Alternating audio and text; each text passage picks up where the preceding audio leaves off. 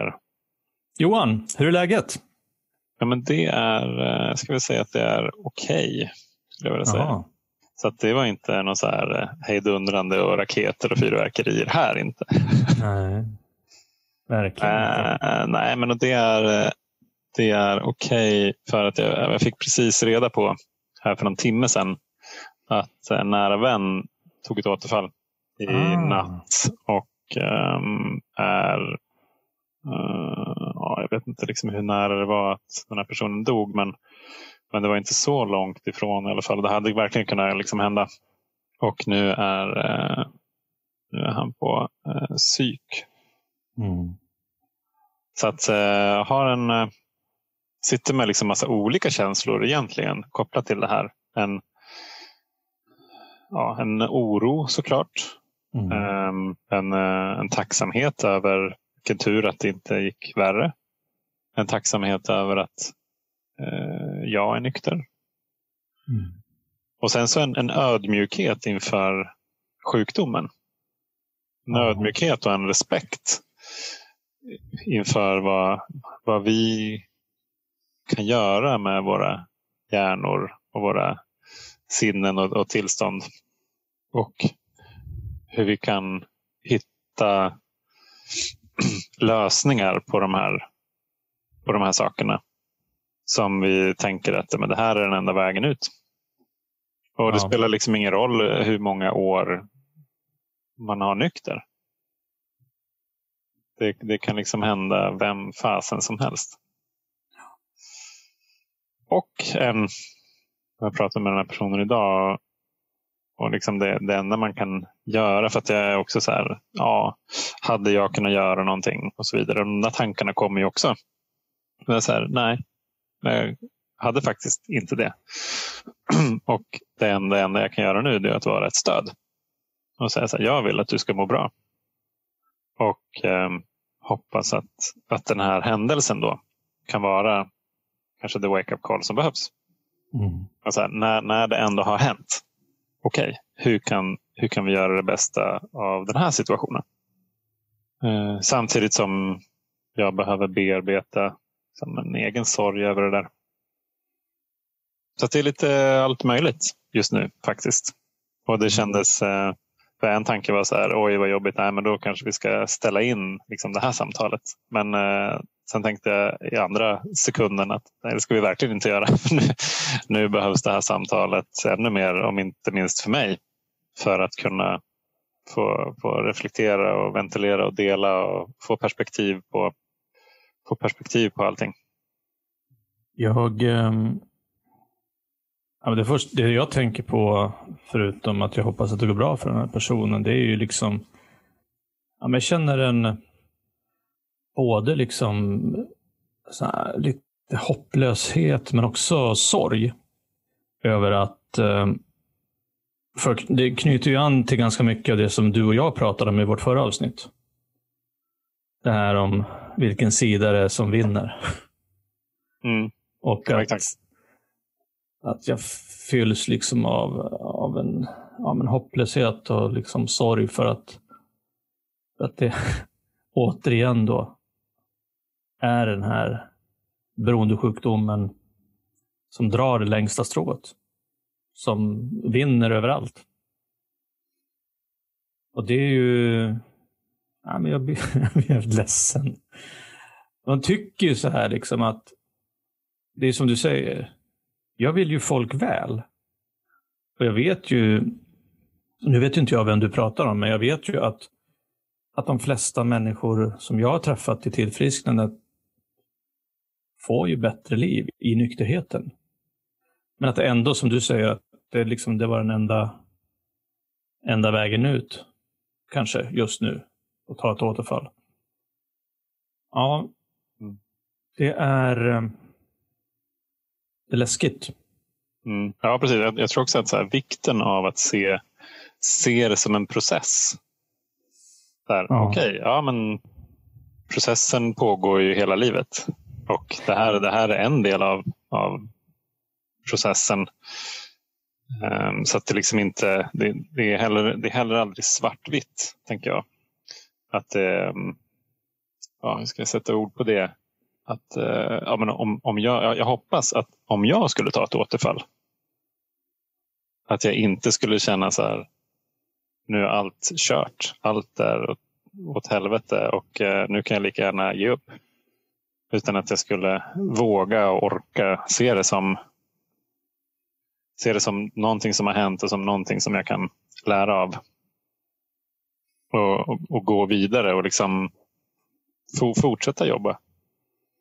Ja. Det där är ju så olika tänker jag. Alltså, vissa människor tar ett återfall en natt och sen tänker att, eller lyckas som bryta mm. den delen av processen och komma tillbaks eh, och fortsätta liksom, jobba på att vara nykter. Medan andra tar ju återfall och dör eller tar återfall och blir aldrig nyktra igen. Mm. Så att hela den där skalan är ju förstås, Eh, det är klart att ju, jag tänker så här för mig själv, alltså ju längre tid jag satt i ett återfall, desto svårare skulle det nog vara för mig att ta mig ur det. Men jag, alltså det är också alltså definierat återfall. Vi har ju pratat med massa människor som ja, men, var nyktra några år i tolvstegsgemenskaper för 10-15 år sedan. Och sen gick tillbaka och tyckte att det, livet med alkohol och droger var mycket bättre. Ja, det är ju ett återfall också. Men det är ju... Jag vet inte om man säger då att ja, men jag tog ett återfall i 15 år. Eller jag har tagit ett återfall mm. och sen så valde jag att inte bli nykter igen. Mm. Ja, precis. Men alltså jag tänker speciellt på ja, en av våra gäster en av de första gästerna vi hade, Jesper, han höll ju på i 15 år Eh, emellan sina första år i gemenskapen och eh, sina nuvarande tre år. Så att, eh, ja fan, det är, det är tufft det där alltså. Men en, en, grej, en annan grej jag tänker på också, det här med processen. Och det är klart att, ja, det är en process. Det är ju bara det att att ett återfall kan ju i värsta fall liksom få väldigt, väldigt stora konsekvenser. Både för en själv och för andra. Mm. Ja, exakt. Eh, men äh, i det här fallet som du sa, liksom, det kan ju vara en fråga om liv eller död. Mm. Eller att man äh, liksom, förlorar allt man har. Det är inte som att glömma att tidrapportera liksom, fyra veckor på raken. Nej. Det kan man ju liksom lätt, även om man skäms lite och får lite skäll av någon chef på mellannivå så kan man ju ändå liksom rätta till det ganska snabbt utan att det får allt för stora konsekvenser. Mm. Men eh, den här processen som du pratar om, alltså, den är ju jävligt lurig. för det är ju, alltså det är ju, jag tänker på det, alltså, jag blir så livrädd för att ta återfall. Mm. Nu när jag, jag hör det här. För att, för att jag menar, chansen, eller chansen kanske man ska säga, risken att det går riktigt åt helvete. Alltså, det är ju låga odds på det. Mm, det går knappt att spela på. Liksom. Det är knappt pengarna tillbaks på att det kommer gå åt helvete ganska fort. Liksom. Nej, Så precis. Och jag tror att det är ju den viktigaste påminnelsen som jag kan ge mig. Speciellt när det har gått några år. Ja. Och så här, ja, nej, men det var väl inte så farligt. kan, kan det ju komma. Ja, ja absolut. Men då är det ju Ja, nej, men så det, det är liksom också en, en wake-up call för mig, eller en bra påminnelse i alla fall. Att så här, jag behöver verkligen eh, stanna kvar i programmet. Jag behöver ta hand om mig själv. Jag behöver sätta, sätta det viktigaste först och det är nykterheten. Allt som jag sätter före det kommer ändå förlora. Så det, det är egentligen ett enkelt val, men som jag kan göra så jävla svårt ibland. Mm. Ja. Precis, och det läskiga tycker jag att, att jag tänkte på det idag faktiskt just om det här med det viktigaste först. Och att mitt huvudproblem eh, i livet är min alkoholism. Men att eh, jag har hört, jag tänker både på mig själv, liksom innan jag slutade dricka så försökte jag ju fixa, jag försökte lösa alla andra problem. Som jag inte kopplade ihop med att jag drack för mycket.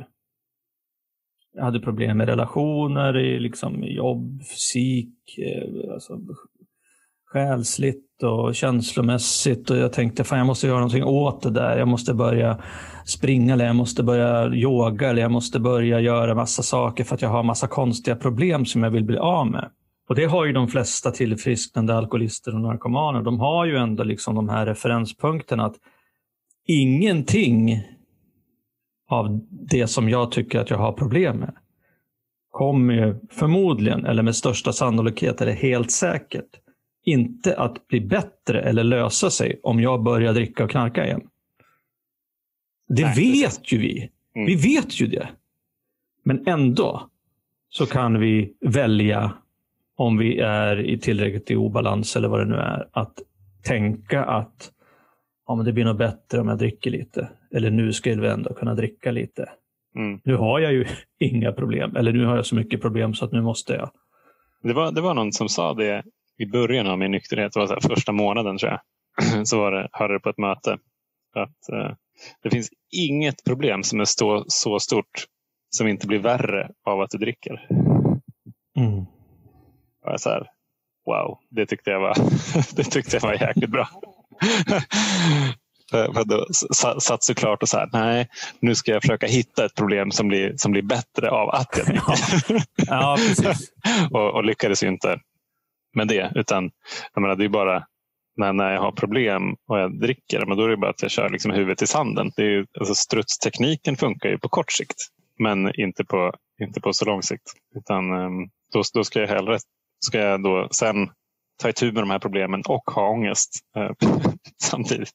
Ja. Så att, um, ja. Men det är klart, det, det, det, låter ju så jävla enkelt liksom, att sitta här och säga att ja, men varför gör man så? Men jag har också varit nere i det där jävla hålet där det inte känns som att jag har något annat val. Och att göra det som, som är programmet handlar ju om att jag inte vill hamna i det där hålet där enda utvägen är att dricka. Har du funderat på vad som skulle kunna få dig att ta ett återfall? Ja, men det har jag. Och jag tror att några, några, det är några saker på listan.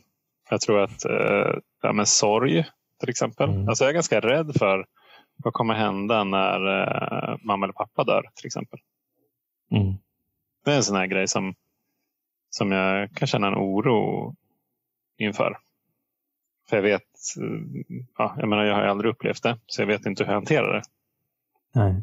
Det, det jag kan känna en, en trygghet i, i oron är att ja, jag har i alla fall bättre verktyg idag än vad jag hade förut. Jag har bättre relationer och jag har stöd från massa olika människor. Så det, det är en och en annan. En annan handlar också om relationer och det är om, eh, ja, men säg att jag och Josefina skulle skilja oss till exempel.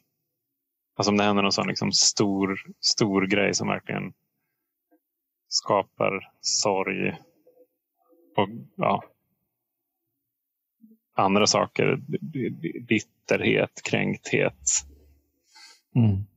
Det är väl liksom de som jag, som jag tänker främst på.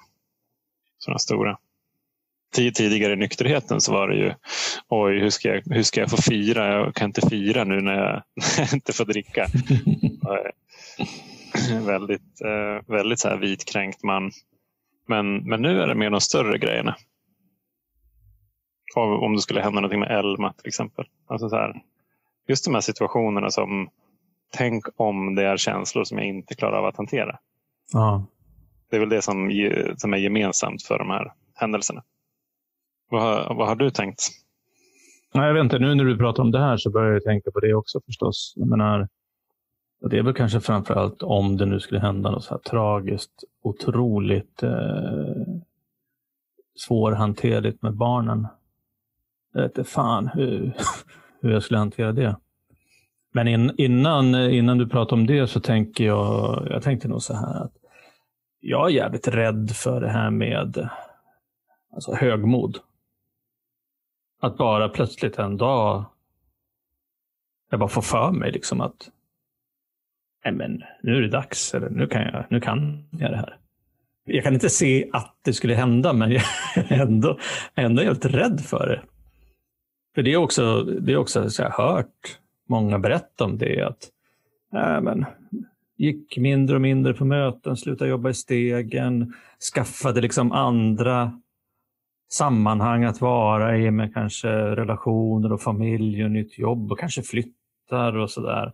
Och så plötsligt bara, ja men det här med tolvstegsprogrammet och gemenskapen, det har liksom hamnat långt, långt bak i skallen.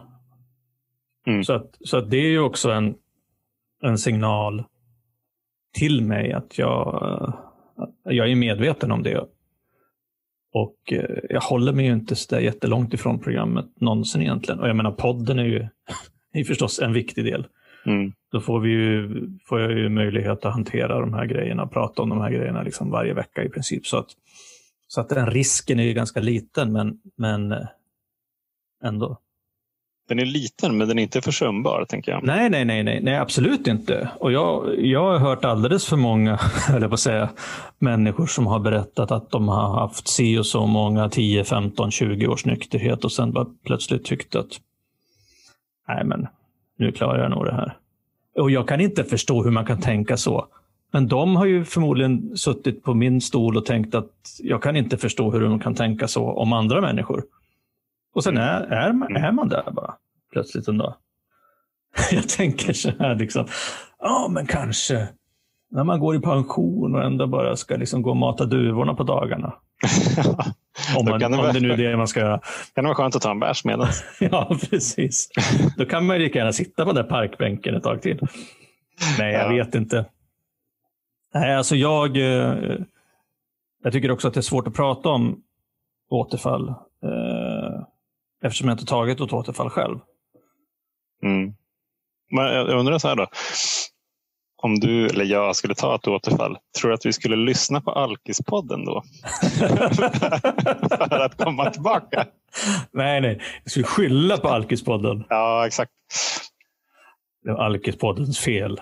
Om jag inte hade hållit på med Alkispodden så skulle jag aldrig ha tagit det här återfallet. Nej, precis. Ja, jag vet inte. Men jag, jag, tänker, jag tänker väl det också att det, att det är, alltså när eh, en människa väljer att ta ett återfall. Mm. Det, här, fan, det här borde vi prata om med någon. Det är ju förstås liksom olika, men man måste, alltså måste ju vara medveten om vad man håller på med. Ja, till eller, i alla fall. Ja, eller är det så att, för att vi har ju pratat om det här liksom en dag i taget och närheten till programmet och att vi hela tiden måste liksom jobba på vår andliga spänst och jobba på att vara bättre människor. Men om vi slutar med det, då kan ju de här känslorna komma tillbaks av att det är inte mitt fel. Alla är emot mig. Det var hennes fel, det är hans fel. Jag måste göra det här för att jobbet behandlar mig si och så och så vidare. och så vidare. Att man virar in sig i den här härligt sköna offerkoftan och sen så tänker man att era jävlar, ni har tvingat mig till det här. Typ ungefär. Eller mm. om man sitter så här, ja, det här är helt fel. Det går emot allting jag har lärt mig de senaste 15 åren, i mitt fall då snart, eller 14. Men jag väljer ändå att göra det. Mm. Ja, alltså jag, jag, har svår, jag har svårt att se att jag skulle fatta ett sådant beslut i ett nyktert, alltså känslomässigt nyktert tillstånd. Nej, precis. Det, det tror jag. Det tror jag kommer, jag inte gå, kommer inte stänga ner datorn nu efter den här inspelningen och bara tänka att jaha, nej men kanske ska testa det här med ett återfall då. Mm. Det kommer ju inte att hända. Hoppas jag. Nej, det är ganska höga odds på den. Ja, framförallt också som vi har ett, eh, ett möte. Ja, precis efter. precis efter. Jag får det bästa att jag stannar kvar här nu. Ja, ja. Nej, men jag, jag, tänker också att om jag, om jag ska liksom prata ur min egen erfarenhet. När jag har känt mig som minst känslomässigt nykter. Mm. Det är ju för min del i alla fall, när jag har gjort någonting annat än kärlek till en högre makt. Mm. Alltså till exempel att jag alltifrån att jag söker andras bekräftelse alldeles för mycket. Att jag går upp i jobbet, jag liksom börjar knarka stress mm. istället. Jag eh, prioriterar landstället. Nej, men det är nog viktigare nu det där, det, det blir bra. Så, och, och jag menar, alla de sakerna som förvisso kan ha, se, se nobla ut på utsidan. beroende på hur jag använder dem kan jag ändå ta mig längre bort från Gud. Ja. Och jag tror att och det är själva... Det för mig skulle vara liksom vägen. I så fall att, att, liksom att, att gå in i någonting annat och göra någonting annat till det viktigaste först.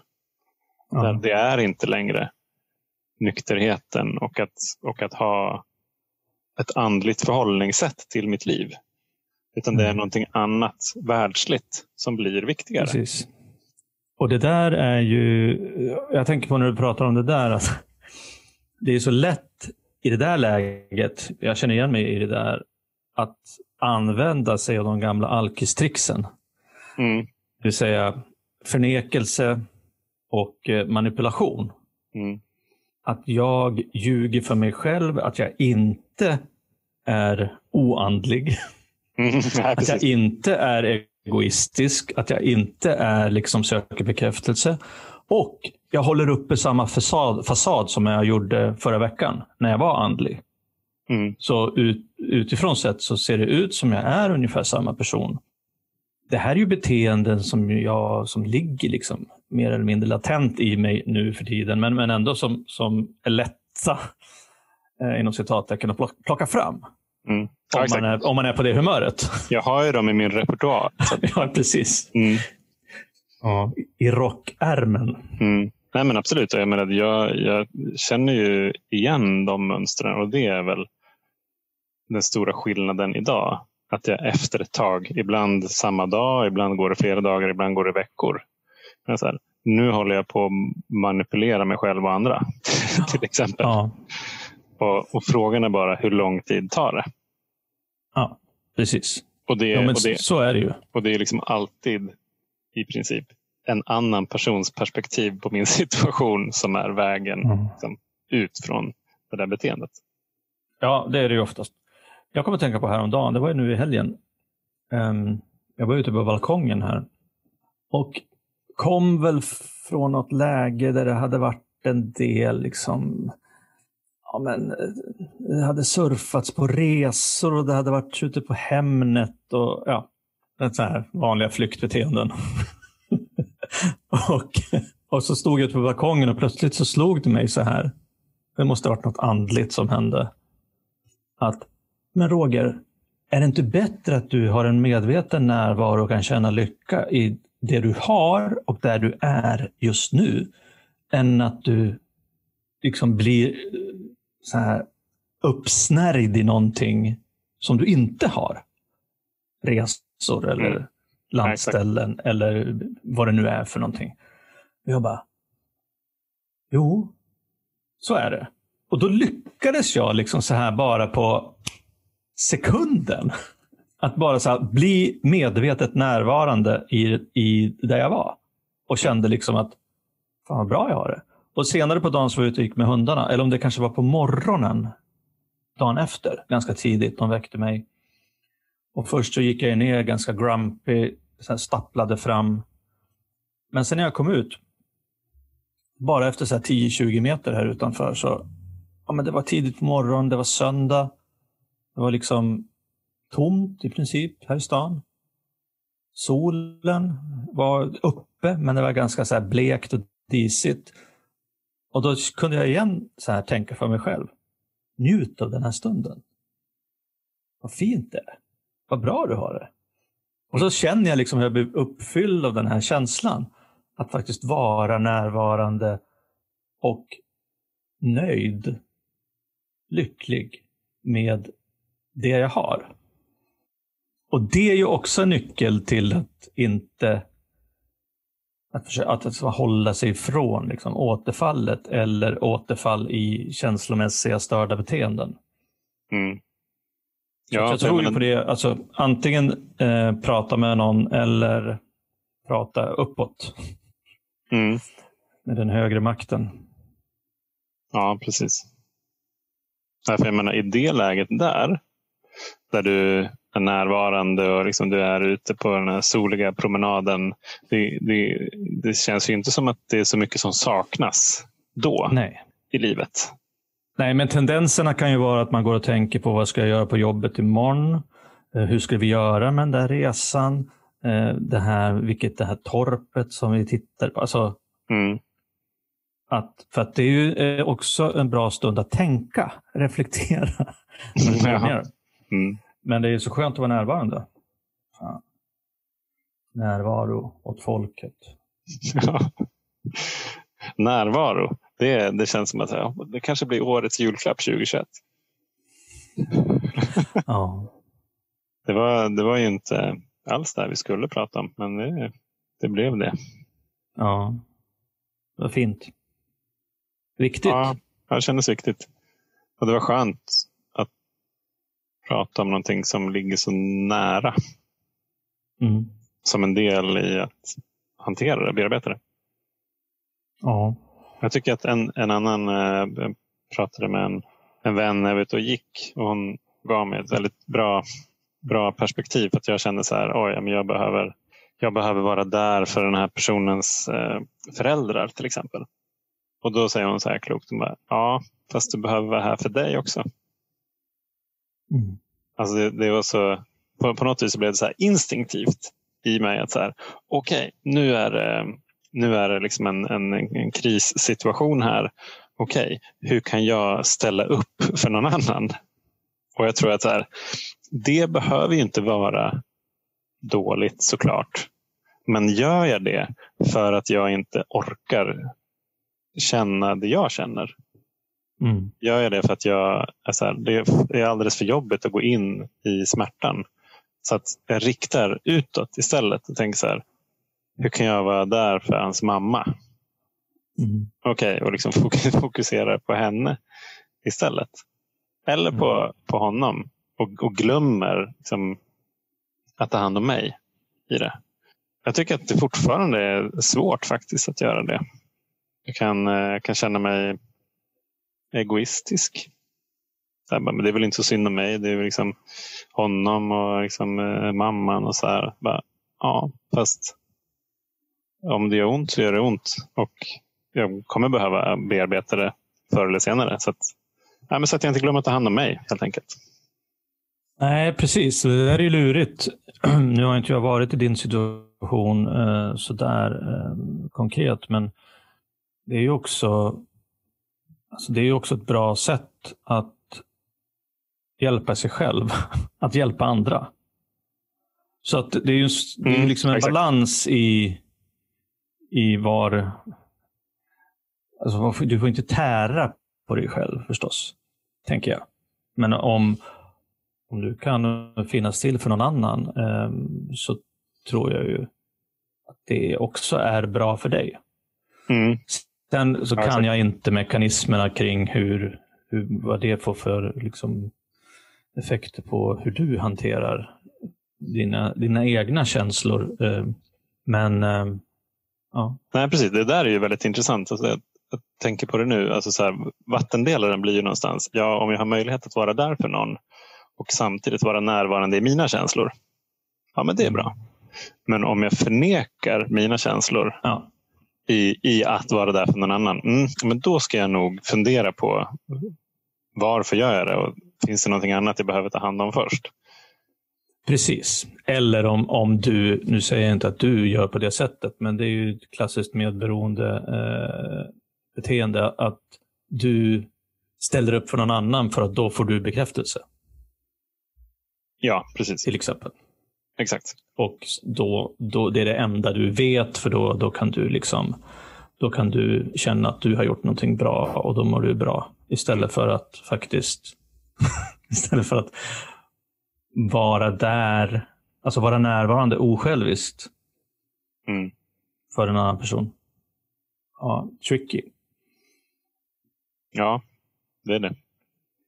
Och sen är det ju också den där, he- hela den här alltså, ekvationen med hur mycket kan jag påverka en annan person? Hur Mm. mycket eh, av mig själv ska jag lägga i hur den andra personen mår? För att det, alltså om, om vi investerar väldigt mycket i en annan person som det inte går bra för, då, då kanske vi måste någonstans liksom släppa taget också. För att vi inte kan rädda eller vi kan inte, vi kan inte bestämma hur den här personen ska göra och hur den här personen ska må. Nej. Utan, Nej, precis. Som du säger, bara, finnas till. Men det, det är ju annan problematik. Mm, jag, jag, tänker att vi är inne på, det, det är nästan ett eget poddavsnitt, med så skillnaden på sympati och empati, bland annat. Mm. Tänker jag. Liksom att, Empathy for the devil. Ja. Nej, så här, går jag in och liksom känner någon annans känslor nästan, så kanske jag är ute på hal is. Ja. Ja, men det är ju svårt. Jag, jag, jag, tror, jag, tror, inte att det finns något... Alltså det finns ju rekommendationer eller liksom hur man ska hantera sådana här situationer. Men det behöver inte betyda att man mår bra. Även Nej, om man precis. Följer, Nej, följer rekommendationerna. Nej. det kan ju kännas pissigt ändå. Liksom. Mm. Ja, du ska sätta gränser, du ska släppa taget och du ska finnas där, men du ska inte göra det. Jaha, Mm. Det känns inte alls bra. Nej. Men... Nej, exakt. Men det, men det står ju inte heller någonstans att det inte kommer kännas pissigt every now and then. nej, nej, nej, i och för sig. det, det är faktiskt inget löfte. Nej, det står ju inte. Om du hjälper andra människor kommer du alltid att må bra av det. Nej, exakt. Exakt. Ja. ja. Vi får gräva lite grann mer i det här med återfall med någon eh, framöver tycker jag. Ja, det tycker jag med. Någon gäst. Och på, tal, och på tal om gäst så har vi ju fått, efter vår lilla efterlysning förra veckan, mm. så har vi fått in en del eh, både människor som har anmält sig, tack för det, mm, och eh, tips. Mm. Tack för det också. Och gäster. Ja, det är grymt. Det är superbra, det är härligt. Vi, eh, vi har inte riktigt hunnit med att eh, svara alla, men det, det kommer här. Och um, vi svarar ju alltid på alla mejl och ibland så går det snabbt och ibland så går det lite långsamt. Men de kommer alltid att svaras på. Så att vi, vi ser fram emot att ha fler kvinnliga gäster i podden. Mm. Det är verkligen. Underbart. Vad, eh, hur skulle du sammanfatta det här samtalet, Roger? Ja, det började lite grann som en käftsmäll. Ja.